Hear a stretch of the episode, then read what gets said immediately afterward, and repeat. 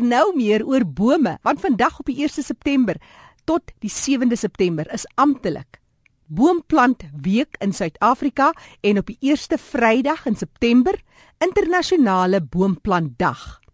Ek gesels nou met 'n bekende as dit gaan oor bome, professor Bram van Wyk. Hy's by die Universiteit van Pretoria, departement plantkunde.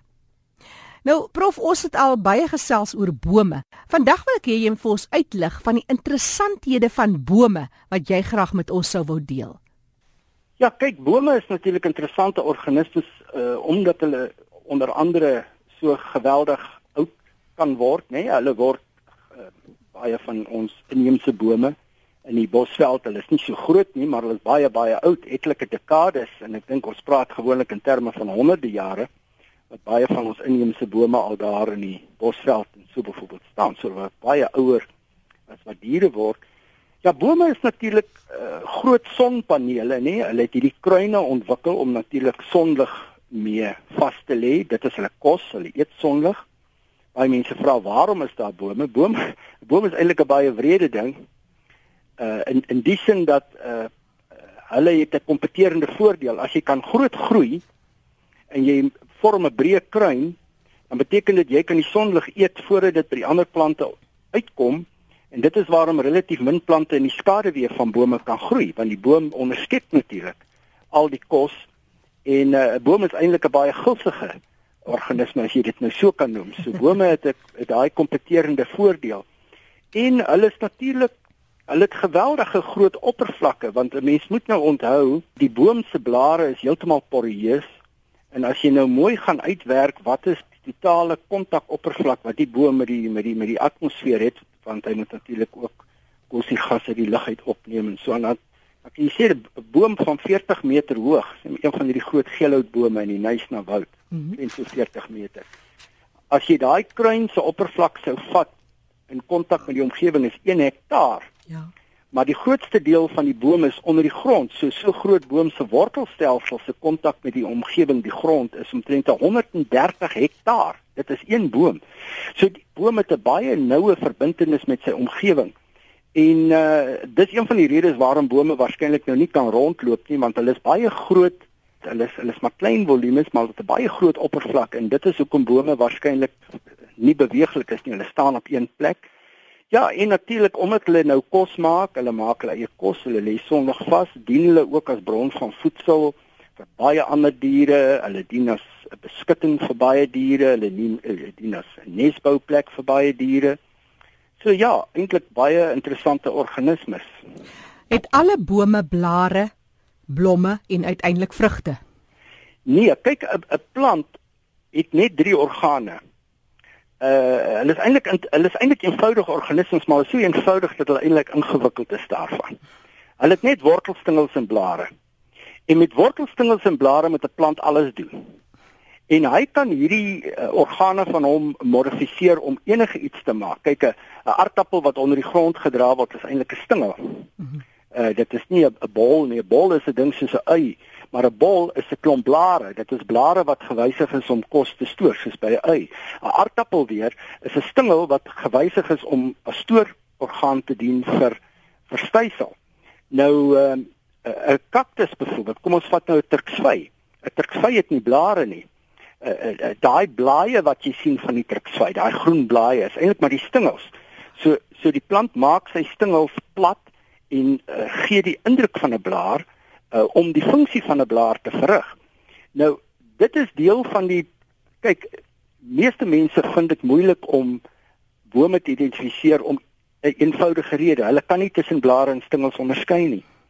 Uh want wortels gebruik ons selde as ons bome identifiseer. Nou, jy sien maar dit dit klink nou na 'n baie simpel ding om te sê, maar dit is 'n feit.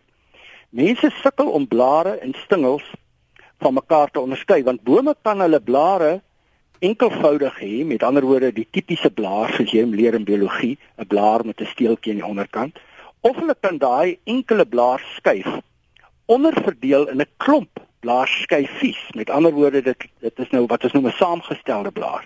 En dan word die hoofaar van die oorspronklike blaar lyk nou soos 'n stingel. Dit lyk nou soos 'n stingel wat daar sit. So baie mense maak die fout om 'n om 'n saamgestelde blaar aan te sien vir 'n stingel met enkelvoudige blare. Hmm. En en dit is ook ons het dit agtergekom op 'n stadium met die met die boomgids. En toe het ons ons het toe 'n boek uh, uh, eintlik 'n um, agtergrondinligting boek gepubliseer so 'n paar jaar gelede. Want ons het agtergekom mense kort hierdie plantkundige basiese plantkundige inligting om 'n boom en 'n plant beter te kan verstaan. En en die titel van die boom is identifiseer die bome van Suider-Afrika. Hy hy's in Afrikaans beskikbaar. Identifiseer die bome van Suider-Afrika ook deur myself en Piet van Wyk.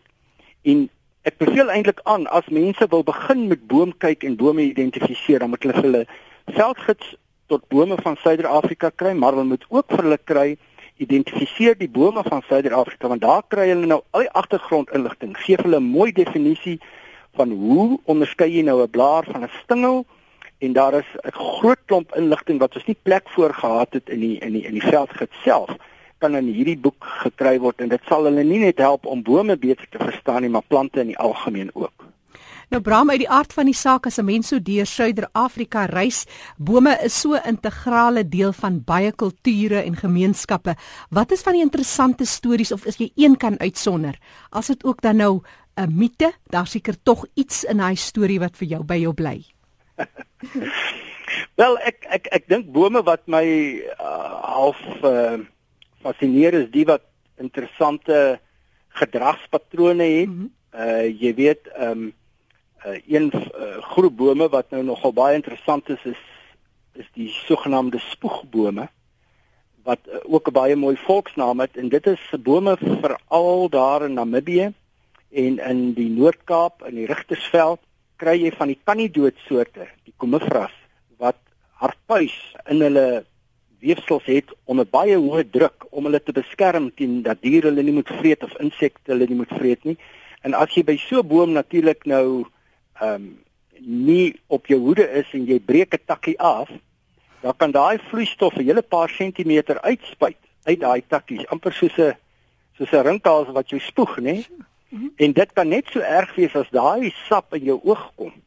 Uh, dan brand dit ongelooflik. Dit is 'n geweldige uh irriterende sap wat daar uitspuit. Gelukkig is daai bome nie volop hier in die meer digbevolkte gedeelte van die land nie want dan sou ons baie ongevalle gehad het.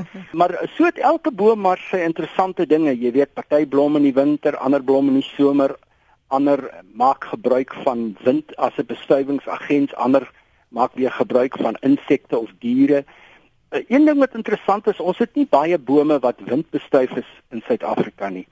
In die in die noordelike halfrond is baie bome windbestuif en een van die eienskappe van windbestuifde bome, behalwe nou dat hulle nie opvallende blomme het nie want hulle dit help nou nie hulle kleur en hulle blomme nie, dit beteken niks vir hulle as hulle van die wind uh, gebruik maak nie, maar hulle groei in digte stande. Hulle groei in baie bome saam van dieselfde soort en ons dink dis een van die redes waarom die boomflora van die noordelike halfrond nogal arm is. Kyk, die hele Europa en Groot-Brittanje het nie eens 100 inheemse bome nie ons ons sit hier met 2001 ons maar ons het verskriklik min windbestuifde goed. So ons bome kan in gemeenskappe baie meer ehm um, deur mekaar groei. Daar kan baie meer soorte bome in dieselfde stand bome voorkom. Behalwe ons het tog uitsonderings en een wat nou vir my interessant is is die mopani wat een van die min windbestuifde bome is in Suider-Afrika en Almal wat nou al gereis het deur die noorde van die Kleurwoudtuin of hier in die noorde van Limpopo of van Botswana sal weet dat as jy 'n Mopani veld is, dan sit omtrent net Mopanis wat jy sien. Daar groei oral net Mopanis. Dis eintlik 'n baie vervelige tipe van 'n veld want jy sien net Mopani bome. Maar daar's 'n rede daarvoor en dit is dat hulle omdat ek sê daar's 'n prys wat hulle daarvoor betaal. Mense nou dink om om die wind te gebruik as 'n bestuivingsagent is vir jou goedkoop want jy hoef nie kleur uh, te maak nie, jy hoef nie geur te maak in jou blomme nie, jy hoef nie nektar te maak as beloning nie. Maar dit uh, dit is 'n onvoorspelbare tipe manier van bestuiving want die wind waai net soos hy lekker kry. So om te verseker dat die stuifmeel wel by jou eie spesies gaan uitkom, moet jy liewer te dan nou in digte stande groei, nie? Grasse doen dit ook. Dit is hoekom grasse so uh, lyk asof hulle die veld oorheers hier op die hoofveld lyk dit asof daar net grasse is maar eintlik is die nie grasagtige plante is in die meerderheid 80% van die plante in 'n stuk grasveld hier in Gauteng byvoorbeeld is is nie grasse nie dit is wat ons noem veldblomme maar jy sien hulle nie eintlik raak nie want hulle maak gebruik van insekte om hulle te bestuif. Uh, die grasse maak ook van die wind bes, uh, gebruik. So hulle domineer dan eintlik die landskap om te verseker dat hulle bestuif word. Nou dit kos hulle natuurlik baie want om dit te kan doen moet hulle kan kompeteer. Hulle moet ander plante kan uitkompeteer. Uit so waarskynlik uh, moet hulle baie chemiese afweermiddels in hulle wortels en so produseer amper soos 'n chemiese oorlogvoering om hulle plekkie in die son te verseker en ander plante uit te hou dat hulle alleen die vasplek uh, in in 'n gebied verkry. Bram het vroeër verwys na bome wat eintlik redelik selfsugtig is.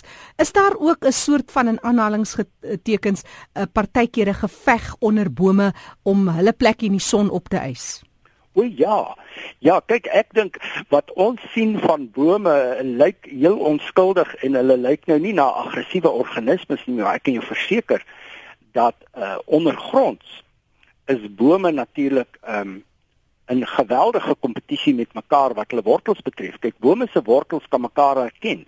'n Boom se wortels weet wanneer dit sy eie wortels is of wanneer dit 'n ander boom se wortels is. Hmm. En hy weet selfs wanneer dit sy eie saad sy eie saailinge se wortels is en hulle kompeteer geweldig ondergronds en hulle skei chemiese stowwe af. Ons praat van allelopatiese stowwe.